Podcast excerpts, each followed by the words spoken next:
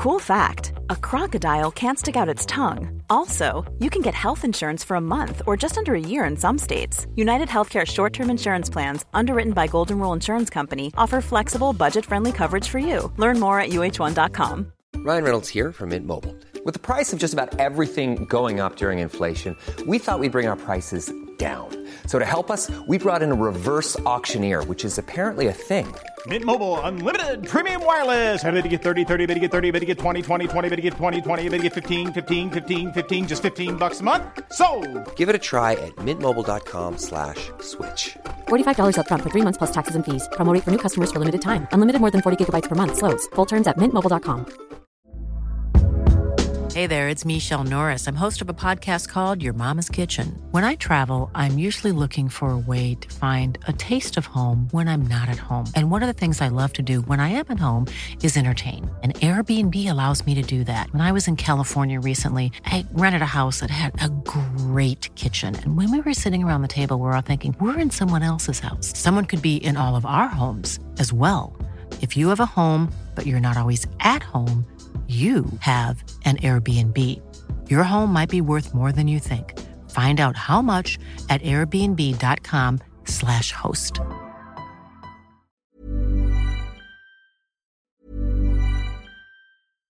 Hi, I'm Daniel, founder of Pretty Litter. Cats and cat owners deserve better than any old fashioned litter. That's why I teamed up with scientists and veterinarians to create Pretty Litter. Its innovative crystal formula has superior odor control and weighs up to 80% less than clay litter.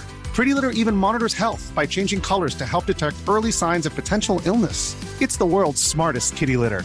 Go to prettylitter.com and use code ACAST for 20% off your first order and a free cat toy. Terms and conditions apply. See site for details. Hey there, it's Michelle Norris. I'm host of a podcast called Your Mama's Kitchen. When I travel, I'm usually looking for a way to find a taste of home when I'm not at home. And one of the things I love to do when I am at home is entertain. And Airbnb allows me to do that. When I was in California recently, I rented a house that had a great kitchen. And when we were sitting around the table, we're all thinking, we're in someone else's house. Someone could be in all of our homes as well. If you have a home, but you're not always at home, you have an Airbnb. Your home might be worth more than you think.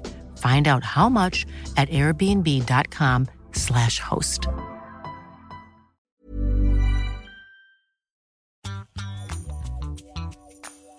Hei, og velkommen til Bak scenen. Jeg heter Trond Harald Hansen, og i denne podkastserien skal jeg finne ut hva som skjer på baksiden av norsk showbiz-bransje. Enten det er produsenter, skuespillere eller artister. Og i dagens episode prater jeg med en kvinnelig vokalist født i San Francisco. Hun ga ut sin første plate i 93, var overbevist om at dette her ikke skulle gå veien. Siden har hun solgt over én million plater på verdensbasis. Velkommen bak scenen, her er Trine Rein. Bak scenen med Trond Harald Hansen. Trine Rein, du har spilt for folk i mange år. Det kan jeg love deg. det har jeg. Velkommen hit. Tusen takk. Veldig hyggelig å kunne snakke med deg. Ja, i like måte. Du kom til Norge fra USA. Ja, jeg kom med båt, faktisk. Med båt. Så jeg kan nesten kalles båtflyktning. Ja. Ja. Og du har eh, helt siden du var liten hatt et kjempeønske om å bli artist. Ja, det er sant. Jeg vet ikke om jeg begynte å gå eller synge først, men eh, jeg var veldig sånn klar på hva jeg skulle bli når jeg ble stor, eh, og jeg skjønte vel egentlig ikke at det ikke var et yrke man bare velger. Det, jeg hadde tenkt å bli sangstjerne, som jeg fortalte i første klasse, og hele klassen lå over pulten og, og skrek av latter. Så jeg skjønte jo fort at det, det er ikke noe som man eh, kan bli, akkurat som at man blir brannmann eller politimann eller sånn sangstjerne. Det er noe, da er man heldig hvis man blir det. Mm. Hva er det som er inspirasjonen da, til å bli sangstjerne? Nei, Det var vel egentlig bare kjærligheten til uh, musikken generelt, men spesielt kanskje det å synge, da, som jeg alltid har elsket. Helt siden du var liten? Ja, jeg har det. Jeg har uh, um, Altså, jeg ble jo født i USA, og, og amerikansk var det første språket jeg forsto. Men så kom jeg jo til Norge når jeg var ca. ett år gammel, og, og da var jo norsk det første språket jeg snakket selv. Og så gikk det jo noen år, og i mellomtiden så glemte jo jeg den engelskkunnskapen jeg hadde. Så når jeg da begynte å høre på band som ABBA og, og, andre artister, så kunne jeg jo ikke engelsk. Så det ble veldig mange spesielle tekster der, da. Eh, og så etter hvert som jeg da ble voksen og fikk denne karrieren min eh, som sanger, og fikk innimellom sånne oppgaver hvor jeg skulle synge låter av ABBA så ble jeg jo tatt litt på fersken, for der hadde jeg veldig mye rare tekster. Oh ja, du hadde slurva litt? ja, altså jeg, jeg, skjønte jo ikke engelsk den gangen, og så måtte jeg jo lære det på en måte på nytt. da, Men når vi begynte med engelsk på skolen, så, så skjønte jeg jo at det lå jo i skuffen bak eh, i underbevisstheten, så det kom veldig fort tilbake igjen. Men det var noen ganske frustrerende år, de årene som jeg hørte amerikansk og visste at jeg kunne det, men jeg forsto det ikke. Ikke sant. Mm. Hvordan var utviklinga på veien mot å bli artist? Ja, det, det, jeg kan huske, det er jo at jeg elsket jo å holde på hjemme med LP-platene til mamma. Eh, mammas platesamling. Eh, og hun skjønte jo at jeg var glad i å synge, så jeg tror at hun eh, på en måte i, i det stille eh, kjøpte LP-plater som hun trodde kunne inspirere meg. Og jeg husker jo at eh, hun hadde et dobbeltalbum av ABBA, så kjøpte hun en eh, plate av Randy Crawford, så kjøpte hun en plate av Bonnie Raitt Nei, eh, Bonnie Taylor var det. det var Bonnie Raitt kom jeg på senere. Oh, ja.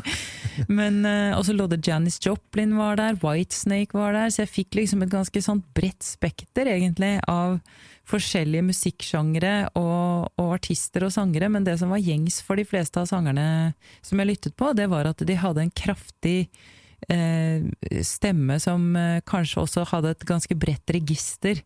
Så det var liksom alt fra hardrock til soul, eh, pop, country eh, Johnny Osborne husker jeg lå der.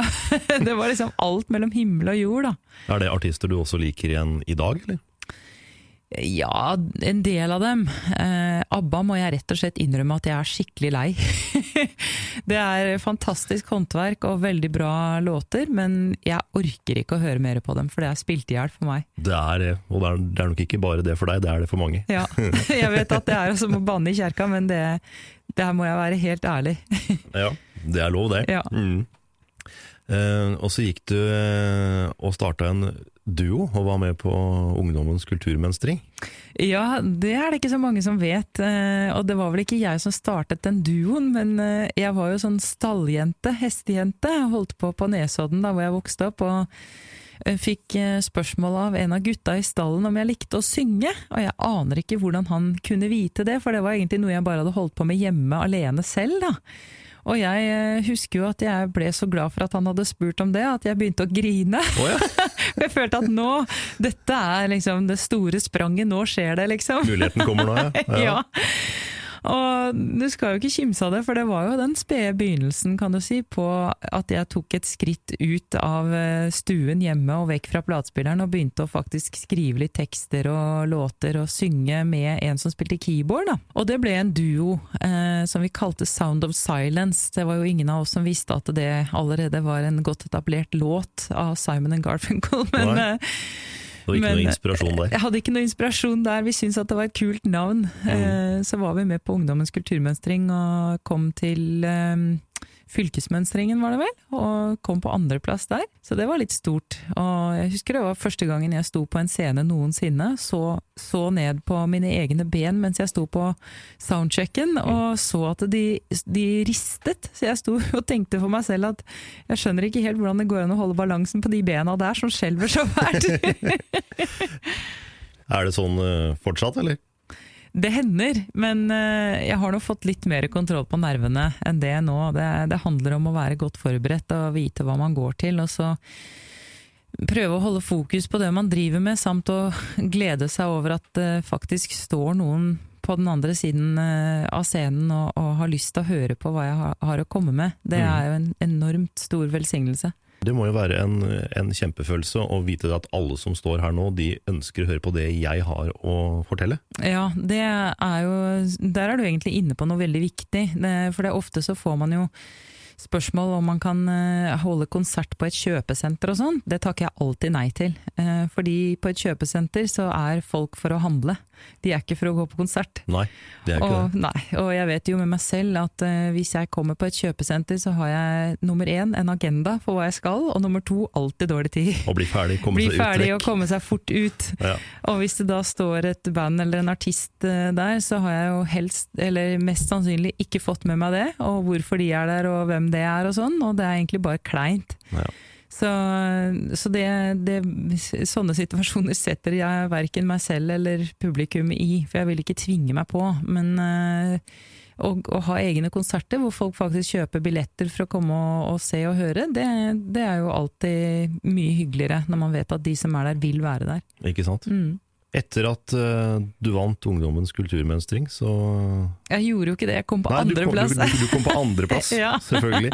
Uh, men etter det så tok du musikkstudiet i USA igjen. Jeg um, dro til uh, USA for å gå det siste året på high school, for jeg er jo en amerikansk statsborger. Og ville ha artium da, i USA, altså det de kaller en diploma. Så jeg gikk som senior på eh, en high school i Antioch, som det het. Og der eh, hadde de blant annet et fag som het eh, vocal techniques. Og det syns jeg var utrolig interessant, for å kunne få lov å drive med musikk midt i skoletiden, det var jo ikke noe bedre enn det. Det må jo være gul. Ja, det var helt utrolig. Og der, der har du USA, hvordan de på en måte legger til rette for, for folk som har et talent, enten det handler om sport eller musikk eller kunst på en eller annen måte. Så sam, de, de fanger dem på en måte opp så tidlig at de får muligheten til å utvikle seg fra, fra når de må begynne, hvis Ja. de skal bli gode på noe, liksom. Så, så jeg syns jo det var fantastisk gøy, jeg lærte veldig mye. Og det siste som skjedde det året, var at de har en sånn årlig talentkonkurranse hvor elevene da stiller på den skolen. Og, og, og da var det jo både blanding av teatergrupper og sanggrupper og eh, egentlig dansegrupper og alt mulig, så det var veldig sånn eh, og de som stemte, de stemte jo på vennene sine, ikke sant? Ikke sant? så det var litt sånn uhøytidelig, men uansett så fikk jeg da muligheten til å stå på en scene og fremføre en eh, sang av Whitney Houston, 'Where the Broken Hearts Go'. Ja. og det var jo stort for meg, og, og det, var helt, det var kjempealvor for meg å, å gjøre dette her. Og eh, jeg, kom, jeg vant ikke, men jeg kom ganske høyt opp, og etter det så var jeg nesten som en sånn kjendis på skolen. Husker jeg folk hilste på meg i korridoren og hei, liksom. Så da, Ja, ikke sant. Så da fikk jeg sånn bitte liten følelse av hvordan det må være å, å få anerkjennelse fordi man driver med det man gjør, da. Så det var veldig opptur. Og etter det så kom du tilbake igjen hit. Ja, altså etter et år på high school så reiste jeg tilbake til Norge. Og da var det jo å fullføre videregående her, da. Eh, og så begynte jeg i danseband mens jeg gikk på videregående. Så der startet jo en veldig viktig del av utdannelsen min. Jeg var med i Saturn. Jeg kaller det jo danseband, de kaller seg for et partyband. For Ja. danseband det er jo det, har, det er kanskje et belastet navn i forhold til hva man ønsker å formidle. Ja, for noen så er det Ja, jo det. ja, for Mm. noen er det det. I hvert fall eh, altså, vi spilte jo topp 40-musikk, kan du si. Sånn at eh, når man sier danseband, så tenker man vel kanskje mer på svensk toppmusikk, og det var jo ikke det vi egentlig spilte. Selv om jeg var innom Lene Gullbruna Øgan og sånn. Så, men det, der fikk jeg jo virkelig boltre meg i musikksjangre, og ikke minst se hva som skal til for å lage en konsert. Eh, kjøre til konserten. Det kan jo ofte være mange, mange mil til man kommer frem til spillestedet. Så skal man sette opp eh, alt av lyd- og lysanlegg og ha soundcheck og sørge for å få i seg noe fornuftig å spise, og, og skifte og varme opp og gjøre seg klar til konsert, ikke sant. Og så, eh, når man spiller i sånt partyband, så er det jo Det er jo ikke en konsert som varer i en time eller halvannen time. Det er jo veldig ofte så er det tre, fire, fem økter på 45 minutter, og kanskje 15 minutters pause imellom. Ja, ikke sant? Så, for du spiller jo til dans, ikke sant. Sånn at der får man skikkelig kondis på stemme og alt som er. Så det var jo bare det å få spille for mange forskjellige typer publikum og se mange typer steder og ja, alle de sjangerne som vi da var innom musikalsk sett, det var enormt lærerikt, altså. Så det er veldig mange som spør meg hvordan de kan eh, bli sånn som jeg, liksom. Og da sier jeg alltid at begynn å spille i band. Var dere over hele landet, eller var det kun Østlandet? Nei, vi var jo over store deler av landet. Eh, Jeg tror ikke vi var noe særlig lenger nord enn Trondheim, men vi var helt over på Vestlandet og alt sør for Trondheim, kan du si da. Så jobba du vel en del i studio? Ja, eh, jeg gjorde det. Jeg, jeg, eh, jeg levde jo faktisk av eh, stemmen min allerede da, for da det var det liksom den inntekten jeg fikk fra dette partybandet, og så var det å synge reklamer og jingler til radiostasjoner og sånt i studio på hverdagene. Og så selvfølgelig videregående, da. Så jeg har jo sunget masse radioreklame opp igjennom, jeg. For hva da? Ja, en som gikk veldig lenge, det husker jeg jo var den eh, som jeg sang for Bislett Bilutleie. Oh, ja. Bislett Bilutleie. Og så eh, gjorde jeg jo en annen en som gikk på Radio 1 i alle år, i forbindelse med en konkurranse som de hadde hver morgen. Henry Choice, klesmerke. Uh, Jeans for a New Generation. Ja, det, det ble jo masse reklamer opp der, og så sang jeg jo navnene til en del av de kjente radiopraterne den gangen, da. Jeg husker blant annet jeg sang Even Rognlien, oh, ja. han jobber jo i P4 nå. så ja, da har jeg gjort eh, masse sånne ja, reklamer og jingler og, og forskjellig. Du fikk jo platekontrakt etter hvert hos, eh, hos EMI. Ja. Hvordan ble det oppdaga, og åssen havna du der? Ja, det startet jo egentlig med disse reklamene og sånn. Da. da jobber man jo i studio rundt omkring, og med produsenter som ofte også produserer musikk. Uh, og da var det en av disse produsentene som uh, kontaktet meg og sa at han jobbet med et uh, hiphop-band. Dette var i 91. Eh, og de lurte på om de trengte, de trengte en kordame, da, en som kunne kore på låtene de hadde laget. Og så kom jeg i studio og gjorde det egentlig som en helt vanlig jobb. Og eh, den koringen som de snakket om, det var jo egentlig å synge leaden på alle refrengene. Eh, og jeg startet med en låt som het Ghost Jam, husker jeg. Og bandet het WIP. Eh, og det sto for World in Peace. Dette her var jo akkurat på den tiden hvor den forferdelige krigen brøt ut i det som var Jugoslavia. Og så, så sang jeg på den, og så ville de at jeg skulle synge på en til. Og etter hvert så hadde jeg jo sunget refrenget på alle disse låtene. Og så var det sånn rappevers, da. Det var jo den spede begynnelsen av hiphop. Det var jo Ja. mens vi hadde Snap og KLF og alle disse ja, hiphop-bandene som kom på begynnelsen av 90-tallet. Det var tider. Det var tider. Masse gode minner. Så etter hvert så var albumet til dette bandet klart, men eh, da trengte de jo faktisk å ha en kvinnelig vokalist, fordi at jeg hadde jo sunget på alle refrengene, så de lurte på om jeg ville være med i bandet. Og jeg sa altså min prioritet, det er jo partybandet, det er der jeg har inntekten min.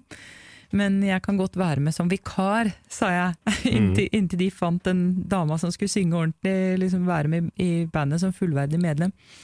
Og da hadde de en platekontrakt med, med et uh, plateselskap som het Sonett. Og, og vi kom ut med dette albumet, og, og Ghost Jam ble jo faktisk spilt en del på radioen. Uh, og så kom uh, All I Do Is Dream, den uh, låten til Everly Brothers. Den ble også spilt en del på radioen. Og da var det jo jeg som hadde sunget hele låten. Og så skulle vi på et påskeprogram i NRK og, og fremføre Ghost Jam. Og det var der jeg da ble oppdaget, sånn kan du si. Da ble jeg ringt opp uh, og fikk spørsmål om uh, jeg kunne tenke meg å, å lage en soloplate, da. Og det hadde jeg jo selvfølgelig veldig lyst til, det var jo drømmen min. Så det, ja, resten er jo historie. det gikk riktignok to år fra jeg fikk den telefonen til jeg kom ut med debutalbumet mitt, Finders Keepers. Og det var to eh, vanskelige år, husker jeg, for det tok, alt tok så lang tid. Og jeg måtte jo si opp jobben min i partybandene for å rydde plass til å ha en egen karriere, og hadde ikke noe inntekt på den tiden, og jeg følte liksom at plateselskapet hadde vel ikke noe særlig tro på meg, og ja, det var en vanskelig tid. Hvordan føles det? Nei, det var eh, ikke gøy, rett og slett. Jeg var eh, ung og uerfaren og hadde egentlig bare det samholdet i partybandet å forholde meg til når det gjaldt eh, musikkbusinessen, da. Så jeg visste så lite om den, og hvordan, hvordan dette her egentlig fungerte. Og samtidig så var det jo veldig viktig for meg å være kul og egentlig kunne alt. Så- Som alle andre. Sånn som, alt, ja, sånn som man alltid er. Ja. Nei, så, men så Jeg husker jo kvelden før um, Finders Keepers-albumet uh, kom ut, så hadde jo ikke jeg noe tro på at dette her skulle bli noe som helst i det hele tatt. Og folk rundt meg fortalte jo at hvis, hvis debutalbumet ditt flopper, da kan du bare glemme det. Da, da må du finne deg en annen jobb, liksom, for det, da går det ikke. Da ikke. da kan du ikke komme på banen som artist igjen senere. Så det var så stort press på på det, det, debutalbumet at uh, jeg, jeg, husker at jeg lå på gulvet og gråt kvelden før dette albumet kom ut. For jeg var sikker på at det kom til å bli min bane som artist for all fremtid. Nå er det over? Og, ja, nå er det over. Jeg var helt sikker på det. Det gjorde jo ikke det? Nei, det gikk jo akkurat motsatt. Det gikk jo så bra at jeg ble jo revet med i en sånn virvelvind som jeg nesten ikke kan fatte i ettertid. I hvert fall ikke nå som jeg Eh, på en måte både vært med og vært borte fra bransjen litt, og kommet tilbake og se liksom utviklingen fra den gangen. Hvor vanskelig det er å komme gjennom nåløyet. Så eh, den uh, suksessen som jeg fikk der uh, som debutant, den uh, var helt astronomisk, når jeg tenker tilbake på det. Det vil jeg tro. Mm. Du solgte omtrent 200 000 album her, og så 400 000 i, i Japan. Ja, det stemmer. Åssen havner man i Japan når man kommer fra ja, si. Nesodden? Ja, det var jo veldig rart. Eh, For når man får en hit i Norge som norsk artist, så i hvert fall den gangen så var det veldig naturlig å tenke at tenk om det kunne skje noe i Sverige, da. Eller oi, tenk om jeg hadde fått det til i England, liksom. Eller Tyskland. Det er veldig sånne nærliggende markeder å tenke seg til. I hvert fall på den tiden hvor det ikke var noe særlig med internett og streaming, hadde jo ikke kommet i gang. og så man tenkte gjerne sånn det nærmeste. Men så var det OL i Lillehammer i 1994, og da lå albumet mitt på førsteplass på VG-listen. Og da var jo verdenspressen her, og de hadde øynene på alt i Norge. Både sport og kultur, og, og musikk, da. Eh, og da snappet japanerne opp Just Mr. Train. Så det var egentlig de som tok med, med seg Just Mr. Train til Japan. Oh, ja.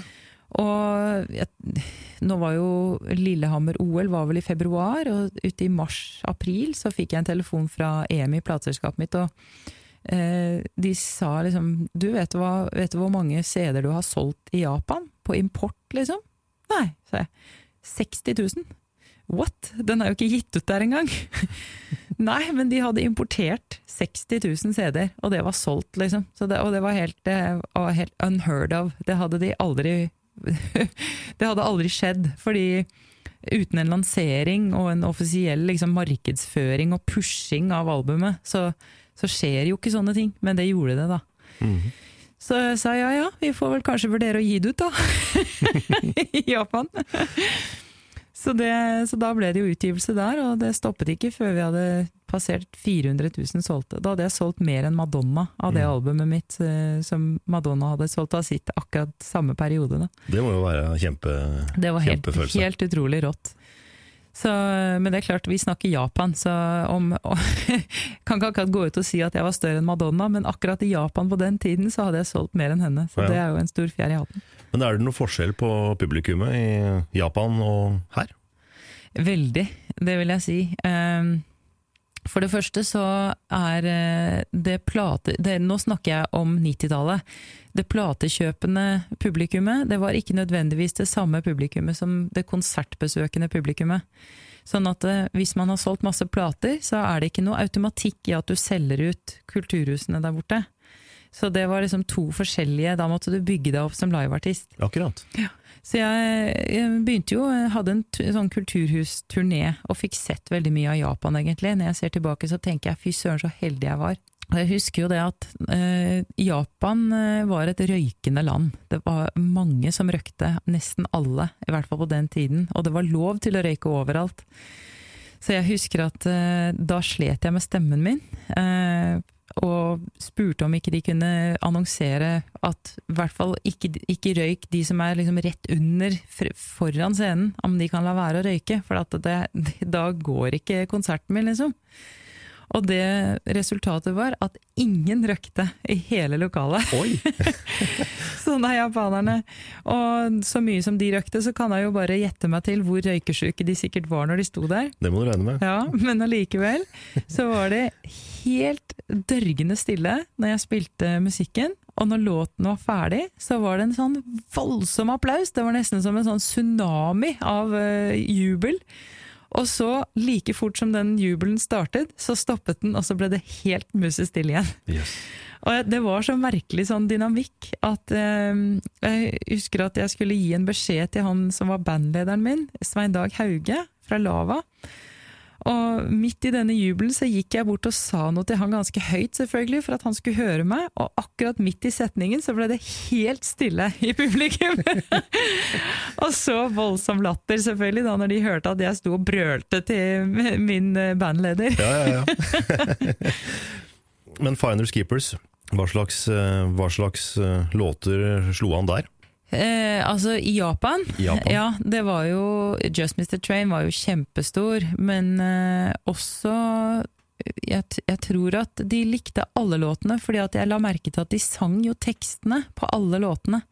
Og det er jo litt spesielt, fordi at japanerne kan jo ikke nødvendigvis engelsk. Nei. Så der var det mer sånn lydengelsk, tenker jeg. Um, og så hadde jeg jo faktisk fått oversatt refrenget på Just Mr. Train til japansk, så jeg sto og sang et eh, refreng på japansk, og da ble de jo helt satt ut. De Ja, syntes ja, det var så gøy. Så jeg har sett Jeg har noen opptak eh, fra noen av konsertene der borte hvor jeg har lært meg noen sånn papegøye-japanske ting, da, som tusen takk og sånn, domo arigato. Når jeg sier det, så er det stormende jubel, vet du, med en gang. Jeg tenkte vi skulle høre på litt lyd, jeg. Ja. Summer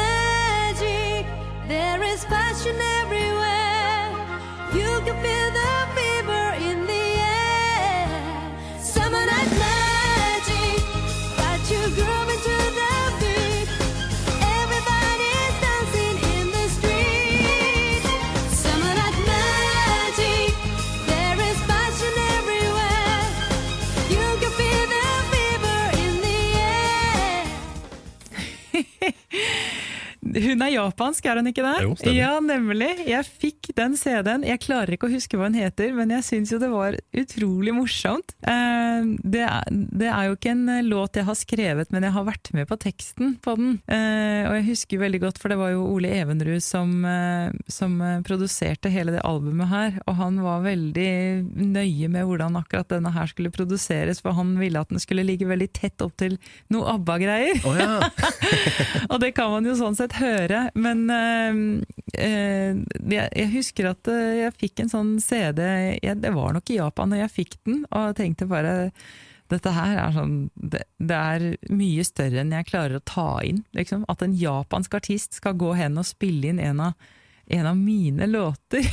Det må jo være kjempestort. Ja, det var det. Det var helt rart, syns jeg. Og, så jeg.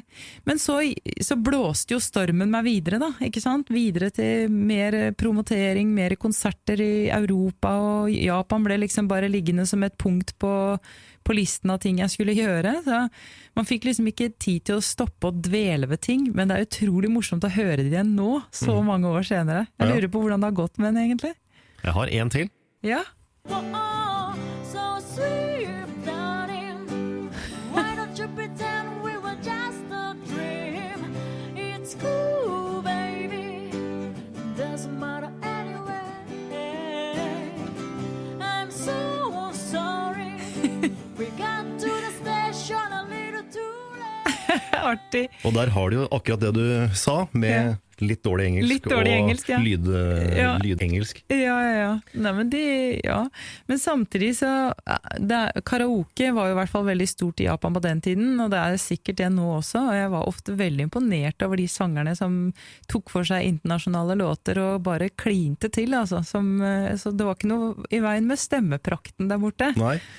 Ja, for eh, hvis du tar et søk på YouTube, så ligger det veldig mye her. Ja, Mm. det tror jeg. Det gjør det, altså. Mm. ja. Eh, etter at eh, Japan var ferdig, Mm. erobra, hvor eh, Hva vil du nå? Ja. Hva skjedde da? ja. ja, det var jo det store spørsmålet. Ehm, japanerne de var jo ofte opptatt av litt mer sånne poetiske ting, og, og kanskje litt politisk også. Jeg husker ofte når jeg var der borte, så, så fikk jeg spørsmål om jeg var en, eh, en eh, sånn kvinnesakskvinne, en forkjemper av kvinners rettigheter og likestilling og sånt.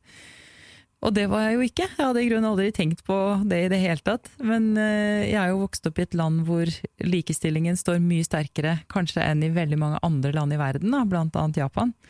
Så det å liksom være ja, Uttrykket tomboy, det er jo ganske forhatt, men altså være en, en jente som gjør som hun vil, og kanskje også drar uh, ut i sånne yrker eller uh, gjøremål som er mer sånn uh, gutteaktige, da, eh, så ble det sett på i Japan som en veldig sånn inspirasjon, tror jeg. For der er jentene, i hvert fall var de veldig mye mer sånn forsagt i forhold til menn. De skulle holde en mye lavere profil enn kvinner i Norge. Ja. Så jeg fikk ofte spørsmål om det, men så fikk jeg også spørsmål om, um, om dette med å, å være i Japan og kunne leve av musikken, om det var en, en drøm som hadde gått, gått i oppfyllelse. Og det kunne jeg jo definitivt svare bekreftende på, selv om jeg måtte innrømme at jeg hadde aldri drømt om å slå, med, å slå an i Japan. Liksom var, hvor er Japan? Det var vel kanskje det første jeg spurte om når jeg skjønte at jeg skulle dit. Ikke sant? Og så etter hvert så, så vokste det jo så langt over hodet på meg at jeg, jeg kunne ikke fatte det egentlig. Men det neste spørsmålet deres var jo da alltid ja, så hva drømmer du om nå? og da følte jeg jo at drømmen hadde tatt meg igjen og gått forbi meg. For jeg, det, hva mer kan jeg drømme om? Liksom? Da, hvor, hvor skal jeg gå nå? Eh, Eh, og så kommer jo den farlige tiden, da, når man faktisk ligger først. Når du, hvis du er eh, med i et eh, maratonløp, og du finner plutselig ut at du ligger helt først foran i feltet. Ligger an til å vinne, liksom. Hva skjer da? Jo, da begynner man ofte å se seg tilbake på konkurrentene. Mm. Litt engstelig. Ja, hvordan skal dette gå? Og, og nå er det faktisk jeg som ligger og pløyer her. Kan jeg det? Vet jeg hvordan man gjør det? Er det liksom Har jeg den pondusen, som, eller kunnskapen, da, som skal til for å ligge først i feltet? Og, og svaret jeg kom frem til, det var jo nei, jeg har ikke peiling på hva jeg driver med. Jeg er bare kastet ut i en, en eller annen virvelvind som, eh, som, som er kjempespennende og kjempegøy, men jeg aner ikke hvor jeg skal gå, eller hvordan jeg skal på en måte håndtere denne karrieren og ivareta den og drive den videre og sånt. Det hadde jeg ingen kunnskaper om. Nei. Um, så eh, jeg fant jo ut at det apparatet som jeg hadde bygget opp rundt meg her i Norge, det dugde rett og slett ikke. Så jeg måtte kvitte meg med dem og prøve på Ja, altså prøve å bygge opp et apparat rundt meg som kunne hjelpe meg å ivareta karrieren min. Og jeg endte opp i Danmark. Eh, Jeg skiftet plateselskap. eh, Eller jeg, jeg gikk jo bare over til en avdeling i Danmark, da. Så jeg var jo fortsatt på EMI, men jeg var på EMI Medley. Fikk meg nytt management og nye produsenter og nye alt. Og så kom album nummer to. Um, og det, det var jo et uh, album som het Beneath My Skin, hvor jeg blant annet hadde spilt inn Tårn. Mm. Og det var jo også en kjempestor hit både i Norge og i Japan, og fikk åpnet flere land i Europa for meg, blant annet Danmark. da. Så jeg var jo rundt og spilte i både Danmark og Tyskland og Benelux-landene, og var med på veldig mye. Og i Japan var jeg også på turné der. Og det albumet det solgte over 300 000 på verdensbasis. Så den, eh, og, og da, allerede da så hadde jo internett kommet og gjort sitt inntog og liksom begynt med sånn shareware, limewire. Plutselig så skulle man ikke kjøpe musikk mer, men man skulle dele det og stjele det og Pirate Bay, ikke sant. Ja. Um, så det å selge 300 000 album da, i 96-97, det var eh, ganske voldsomt. Og så kom da det tredje albumet i 98. Da hadde jeg reist eh, til USA og jobbet en del der, og jeg, jeg spilte jo egentlig inn det albumet litt forskjellige steder, men kanskje mest i Los Angeles, da. Og det kom ut i 98, passerte 100 000 solgte, så da hadde jeg solgt en million plater på verdensbasis med det tredje albumet. Og så kom jeg tilbake til Norge, og så var det akkurat som pressen hadde bestemt seg for at nå skulle jeg tas. ja, det var veldig rart, for jeg opplevde jo å passere 100 000 solgte av et album som var kommet ut i en tid hvor platesalg raste i Norge, um, og ble erklært som en fiasko. Samtidig som et annet norsk band solgte til gull, altså 25 000, og ble genierklært. Så, så, jeg tenker liksom Hvis jeg selger 100 000 plater på verdensbasis og blir erklært som en fiasko bare fordi at jeg ikke solgte de 600 000 som jeg gjorde i 93, liksom, så vet jeg ikke helt hva jeg skal gjøre. Da, som artist, liksom. Hvis jeg, hvis jeg egentlig så har jeg et bra resultat, men allikevel så vil på en måte verden fortelle en annen historie i mediet, da. Så jeg og så var jeg sliten, så jeg bestemte meg for å ta et skritt ut fra hele musikkbransjen og sette meg ned og tenke på om det virkelig var dette her jeg hadde lyst til å drive med lenger. For jeg kjente at jeg hadde mistet gnisten og, og lysten da, på ny runde inn i studio og ny musikk og nytt album, ny promo, ny turné. Er det det jeg har lyst på, liksom? Så det gikk noen år, og så reiste jeg til eh, USA Eh, og jeg flyttet eh, til faren min, han bor jo der i California.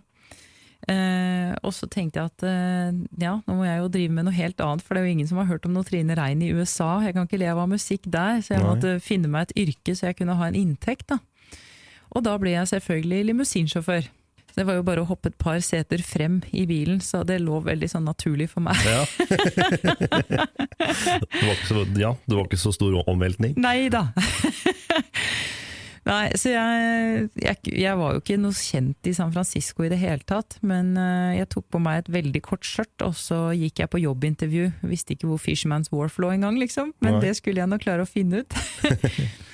Så med veldig god hjelp fra kollegaene mine og en sånn walkietalkie-radio som vi hadde i bilen, så klarte jeg å gjennomføre starten av det yrket som limousinsjåfør. Og masse kart og sånn. Man hadde jo ikke GPS på samme måten da, så der var det gamle håndverk. Man måtte lese kart og liksom lære seg veiene utenat og sånt, da. Men det var jo en periode hvor det var en bratt læringskurve for meg, hvordan det er å liksom jobbe døgnet rundt og allikevel nesten ikke tjene til livets opphold osv. Så, videre. så kjente jeg ganske fort at eh, savnet til å stå på scenen og synge og drive med musikk, det ble veldig sterkt. Eh, så jeg flyttet jo etter hvert til Los Angeles og begynte å ta opp kontakten med en del av de låtskriverne og produsentene som jeg hadde jobbet med der tidligere, da, og prøvde å lage litt musikk igjen, da, uten at jeg liksom fikk helt gjennombrudd der. Eh, Men så fikk jeg en telefon fra Norge. Det var en eh, teaterprodusent som lurte på om jeg kunne tenke meg å være med som en del av eh, en forestilling han skulle sette opp i Oseberg kulturhus i Tønsberg. Det var i 2004. Eh, Så Eh, Det var en eh, oppsetning som het eh, 80-tallet bit for bit. og da skulle jeg være en av eh, flere artister. Da. Det var Toril Sivertsen, Tom Sterry og Sturla Berg Johansen og jeg. Og så var The Monroes med også som et sånt gjesteinnslag hver kveld. Da. Og det ble et sommershow som skulle vare i seks uker. Um, ble en kjempesuksess. så så det, den skulle da kjøres videre på høsten i Oslo, på Edderkoppen. Og så sommeren etter så skulle vi sette den opp igjen på Chat Noir i Oslo.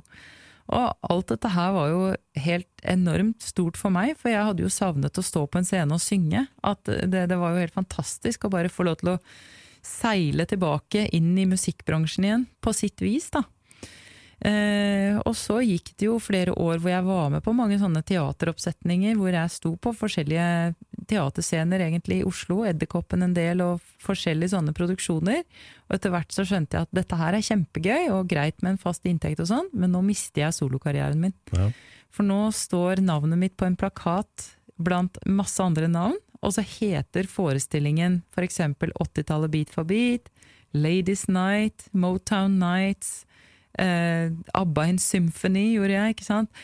Og, og da blir jeg egentlig bare et navn på en plakat som egentlig ingen bryr seg om. En del av noe. en del av en større sammenheng. Det var en utrolig lærerik tid. Jeg husker at jeg, jeg lærte meg veldig mye av eh, sceneyrket som jeg ikke kunne fra før av. Blant annet så var Tom Sterry en stor inspirasjon. Eh, og ja, jeg rett og slett lærte å kommunisere med publikum på en helt annen måte enn jeg hadde gjort før. Så når jeg da endelig bestemte meg for å satse på nytt med eget materiale og gi ut eget nytt album, så hadde det gått tolv år siden sist. Så da kom jeg ut med mitt første soloalbum i 2010, altså tolv år etter det siste. Med unntak av et Best of-album som ble gitt ut i 2004, bare av at jeg kom tilbake til Norge igjen. Og så var du vel med i Grand Prix? Ja, jeg var, to ganger var jeg med i Grand Prix. Og det holder. Ferdig med det. Ferdig med det. Da har vi gjort det. Ja.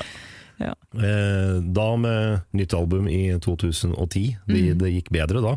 Ja, da mm, det, det albumet der, det var jo på en måte mitt lille sånn eh, En liten flørt med countrysjangeren, da. For det, det var jo et popalbum med undertoner av country, og sånn crossover, egentlig.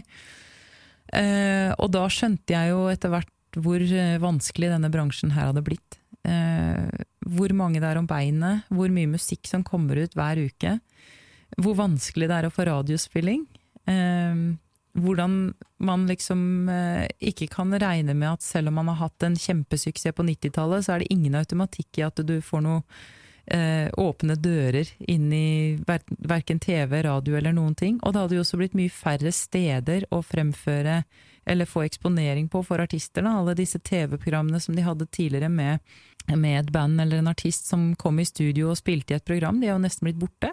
Eh, og isteden så har man liksom Idol og The Voice og masse forskjellige sånne programmer som skal trekke frem amatører, egentlig. Altså eh, folk som har en drøm om å stå og synge, men som egentlig ikke har noen erfaring. Og når man da skal kjempe mot eh, sånne karaokeshow, som det jo er, og at låtene blir spilt mindre og mindre av. Altså, nå kan du ikke ha en låt som er over tre minutter, eller den blir fadet ut før du kommer til soloen, eller du kan ikke ha en solo, for det er det i hvert fall ikke tid til, osv. Så, videre. så det, det har liksom blitt et veldig mye mer sånn heseblesende marked, føler jeg. Og så er man nødt til å gjøre mye mer selv. På 90-tallet så ble jeg jo sugd inn i et plateselskap som hadde en eh, A&R-avdeling, altså en artist- og repertoaravdeling, hvor du fikk hjelp med å velge ut låter til albumet, du fikk hjelp med å finne den riktige produsenten, så hadde de en salgsavdeling, en markedsføringsavdeling, en promoavdeling. Alle disse tingene ble på en måte gjort over mitt hode, så jeg kunne ingenting om det. Så kom jeg tilbake fra statene og fra teaterscenen, og i mellomtiden så har jo Facebook vokst seg stor. Eh, eh, vi har jo altså Instagram, Twitter, alle disse sosiale plattformene som etter hvert har blitt viktigere og viktigere å hevde seg på, da, eller å få folk til å følge seg på. Eh, og, og egentlig stå for det meste av markedsføringen og promoteringen selv, og ikke lene seg på media. Ikke lene seg på at jeg får sikkert snakke om musikken min i radioen, eller jeg får sikkert et TV-program hvor jeg får vist frem den nye singelen min, eller noe. Man kan ikke lene seg på det lenger. Sånn de, og, og så blir det jo viktigere og viktigere å spille live, spille konserter. Og da er vi jo egentlig tilbake til det som var drømmen i utgangspunktet. Det er jo det jeg elsker å drive med, å stå på en scene og synge og ha en kommunikasjon med publikum der og da. Det er jo det som er spennende. Ikke bare stå i et studio? Nei, det har aldri vært drømmen min å stå i et studio. Så det er Studio er et nødvendig onde. Ja. og alt du lager der, det blir jo Før så var det i hvert fall sånn at det var skrevet i stein, men nå er det jo sånn at hvis du ikke er helt fornøyd med en utgivelse, så kan du faktisk trekke den og gi den ut på nytt igjen senere. Ja, det, det er jo faktisk en Ja. mulighet. Eller lage en ny innpakning, en remix, liksom. Er den eh, prosessen i studioen eh, kanskje noe du styrer mer sjøl nå enn du gjorde helt i starten? Ja, 100% Nå er det jeg som er eksekutiv producer, det er jeg som finansierer det, det er jeg som styrer hvilke låter som skal med, eh, hvem som skal produsere det, hvilke musikere. Altså, man styrer jo hele skuta selv. Og cover, man sørger jo for det, man sørger for å hanke inn de rette personene på f.eks. styling, eller man gjør det selv. Video, altså eh, dette med å, å opprettholde en viss aktualitet på sosiale medier gjør man jo selv. Eh, det hender at man hyrer inn eh, et promobyrå akkurat når man er i release. For å få litt eh, For at man kan ikke sitte og selv ringe rundt og fortelle om sin egen fortreffelighet. Nei. Det Der går grensen, liksom. går- går Men ikke. i kulissene så, så har artisten blitt eh, helt vanvittig mye mer allsidig. Det er liksom påkrevd at man, er, eh, man har full oversikt over absolutt alt av eh, fra A til Å da, i det som ligger i en utgivelse. Og det er vel også kanskje bra, for da får man en mer ærlig framstilling. Mm, Det er jo på godt og ondt, men jeg føler det at eh, det som lider da, i, i siste rekke, det er jo det kreative. For det blir eh, nesten så ille som at det er 90% administrasjon, og så er det 10 eh, utøvelse av kunsten og, og det å stå på scenen og synge. Ja. Så det, ja, nei, det, det er ikke noe enkelt yrke. Jeg vil ikke råde noen til å bli eh, artist på fulltid. Men jeg sier som en, eh, ja, en venn av meg eh, i bransjen fra Los Angeles sa at eh, hvis du har lyst til å bli musiker eller artist, så må du ikke finne på å bli det. Men hvis du må bli musiker eller artist, så ønsker vi deg lykke til. Vise ord. Ja. Eh, hvis du ikke var artist, da, Mhm. hva hadde du jobba med da? Veldig vanskelig å si, for det har jeg lurt på selv. Det lurte jeg veldig på i de årene som jeg flyttet til USA for å finne ut om jeg hadde lyst til å drive med musikk eller ei. Og jeg klarte ikke å finne noe som interesserte meg, som jeg brant like mye for som jeg, eh, som jeg gjør for musikken. Da. Det er akkurat som jeg har det som en ryggmargsrefleks. Det er det å synge og stå på en scene med et band og musisere, den kommunikasjonen der, den kan man ikke få til på noe annet, eh, i noe annen yrkessammenheng, tror jeg. Kanskje i teater, men det er ikke noe for meg. Og heller ikke dans. Men jeg, eh, ja, det er Jeg kanskje hadde holdt på med noe med dyr, kan jeg tenke meg. Ja. Du For det er jo litt liker sånn- dyr? Jeg er veldig glad i dyr. Jeg har jo vokst opp med hester og og, eh, ja, nå har jeg jo så mye bikkjer rundt meg at jeg har kommet ut av tellingen. Men eh, den, den evnen til å kommunisere med, med dyr, det er jo noe som skjer uten ord, ikke sant? Man har jo sikkert noen kommandoord som man kan lære dyret til å adlyde, men selve den overordnede kommunikasjonen med et dyr, den foregår jo på et plan som man ikke helt kan definere, da. Mhm. Eh, Det går på sinnsstemninger, energier, eh, kroppsspråk osv., ikke sant. Og det, det er vel kanskje noe som man finner igjen i musikken, på en måte. At man, eh, man jobber jo med stemninger, energier, kroppsspråk, eh, et uttrykk som ikke nødvendigvis trenger ord, da. En liten kjapp tur tilbake igjen til eh, 93 og Finders Keepers og 96 med album nummer to. Mhm. Eh, hva slags eh, favoritter har du fra de albumene? Ah, det er ikke godt å si, det. Det er eh, Finders Keepers. Der, eh, det var vel ti låter som lå på det albumet, og jeg husker jo at eh, min hemsko når jeg skulle ut på turné med dette albumet, det var at jeg manglet så mange låter.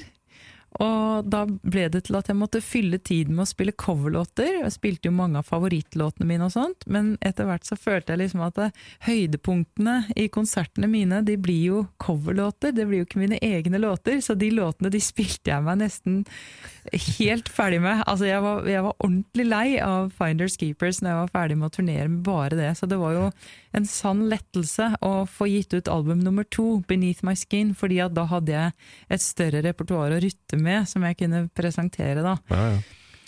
Men hvis jeg skulle trekke ut noen favoritt av eh, de albumene der, eh, nesten vanskelig å ikke si Just Mr. Train, for den har hatt alt å si for karrieren min. Og det er jo en eh, låt som har tålt tidens tann, og den kan jo godt spilles i dag også, uten at man føler at den er eldgammel, liksom.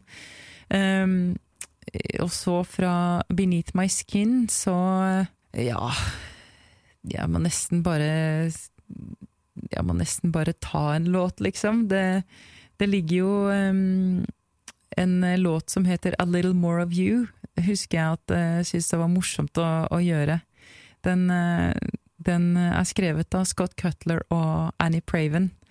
Um, og den, uh, den låten er jo Det er jo de samme låtskriverne som har skrevet Torn, blant annet, og Just Mr. Train, så eh, Jeg lurer på om jeg nå har akkurat nevnt en låt som ligger på det tredje albumet mitt istedenfor det andre. Oh, ja. det gjør ingenting. Så den ligger altså på To Find the Truth. ligger den. Ja. Men eh, det er Ja, nei, det er vanskelig å trekke frem favorittlåter, egentlig. Det er liksom så, så mange låter. Jeg har, jo, jeg har jo spilt inn låter jeg liker selv, liksom. Så ja. Men det var jo ei dame fra Australia som fikk eh, kjempesuksess med Tårn i 98. Ja, det stemmer. Imbrulia. Ja. Åssen opplevdes det når låta var utgitt av deg to år før, og så to år før der igjen så var den vel utgitt av noen i Danmark? Jo, altså Tårn Torn eh, er jo skrevet av Scott Cutler, Annie Praven og Phil Thornalley. Eh, Phil Thornalley han eh, var en liten periode så var han bassisten i The Cure, og han er også en produsent. Og det var han som produserte min versjon av Tårn. Uh, og det var også han som produserte Natalie Brulias versjon av Tårn. De er jo det- veldig like. ja, og det er ikke så veldig rart, i og med at han både er låtskriver og produsent på begge låtene. Um, så der har du jo kanskje litt av forklaringen på det, men um, det ble jo veldig mye ståhei om det. Jeg har jo aldri eh, tenkt på Tårn som min låt på noen som helst måte, for jeg har jo aldri skrevet den, og jeg hadde jo heller ikke spilt den inn som den første. Jeg visste jo godt om Liz Sørensen, som spa spilte den inn på dansk. Da het den Brant. Ja, stemmer. Og, og så har jo um, Scott Cutler og Annie Praven hadde jo sitt eget band som het Edna Swap, og de spilte jo selvfølgelig også inn sin versjon av Torn lenge før det igjen. Så dette var jo en eh, allerede velbrukt låt når jeg fikk hiten min med den, da. Eh, også når Natalie Brulia kom og fikk sin hit med den, så var det en eller annen merkelig mekanisme som skjedde i presse og media, hvor de eh, klarte å, å skape en sånn eh, kunstig historie om at Natalie Brulia hadde stjålet min sang. Eh, og det var jo ikke tilfellet, hun hadde spilt inn en coverversjon av en låt som allerede fantes eh, i mange versjoner. Så, men jeg tror kanskje grunnen til at folk påsto at hun hadde stjålet min sang, var for at de to versjonene var såpass identiske, da. Så sånn sett så kan jeg jo bare ta det som et kjempekompliment. Du er også aktuell med ny låt nå. Det er jeg. Det Jeg har jo eh, et eh, etter hvert langt og spennende samarbeid med en legendarisk rocker som heter Tony Carey. Og det startet med egentlig en eh, konsert som mannen min tok meg med på på Kosmopolit for noen år siden, med Zappa Union. Han hadde bare overrasket meg og kjøpt billetter i den. Oh, ja. Og når jeg sto utenfor eh, Kosmopolit i Oslo og skulle inn på den konserten, så lurte jeg på hvem er det som spiller her i kveld, liksom? Hva er det vi skal på egentlig? Og så så jeg Zappa Union. Hm, er jeg fan av den? Eh, Er det, er det noe for meg, tenkte jeg. Jeg har vel egentlig aldri påberopt meg å være noe spesiell fan av Zappa, men eh, jeg hadde jo en, et åpent sinn og gikk inn, og når jeg kom ut derfra, så var jeg så inspirert som jeg ikke kan huske å ha vært. Det bandet bare de bare satt i gang eh, å spille eh, fra toppen, og var ikke ferdig før det hadde gått en god halvannen time. Jeg tror de hadde stoppet to eller tre ganger i løpet av konserten for å ha litt kontakt med publikum. Men det ble en sånn musikalsk, et musikalsk bad, vil jeg kalle det. En eh, sånn jacuzzi, hvor du bare ble eh, spylt ned av eh, musikk som, som gikk liksom fra pop via rock til jazz, innom polka, country, eh, visesang, you name it. Altså, de var liksom innom absolutt alt som fantes av musikksjangere, og hadde laget veldig sånn flotte, spennende overganger mellom låtene, sånn at du plutselig befant deg i en ny sfære, kan du si, da, musikalsk sfære, uten at det hadde vært noe start og stopp eller ny låt eller noen ting. Så jeg syns bare det var så fantastisk. Em, og tenkte at det, noe sånt noe kunne jeg godt tenke meg å, å gjøre. Bare bryte alle barrierer og gi blanke i alt som heter formatering og tidspress og det derre kjaset og maset som jeg hadde opplevd at musikkbransjen har blitt, da. Eller verden, for å si det sånn. Ja, vi er jo veldig Ja. Alt skal jo skje Alt skal veldig sånn. skje fort og har dårlig tid, og tidsklemma meg her og meg der, ikke sant. Så mens jeg jobber med å holde jording og holde pulsen nede og prøve å liksom nyte reisen som det, dette livet er, da, og Ja. få med meg de vakre og fine tingene på veien. Så, så jeg tenkte her, nå har jeg endelig funnet noe som jeg har lyst til. Og så tenkte jeg ok, hvis jeg skal lage noe som er så si far out, da, i forhold til hva jeg har gjort, så må jeg kontakte en av kollegaene mine som er kanskje like far out, og ringte selvfølgelig Ronny Letekerød fra TNT. Ja. Han er ganske far out. Og Ronny var jo helt med på den tanken med en gang. Eh, og han sa det at eh, eh, men da må vi ha med Tony Carey. Og jeg visste ikke hvem Tony Carey var, men det gjorde mannen min. Han sa 'yes, Tony Carey'! For han er skikkelig gammel rockefan. da. Ja. Så, og Tony er jo, kanskje hadde sin storhetstid eh, på 70-tallet med Rainbow.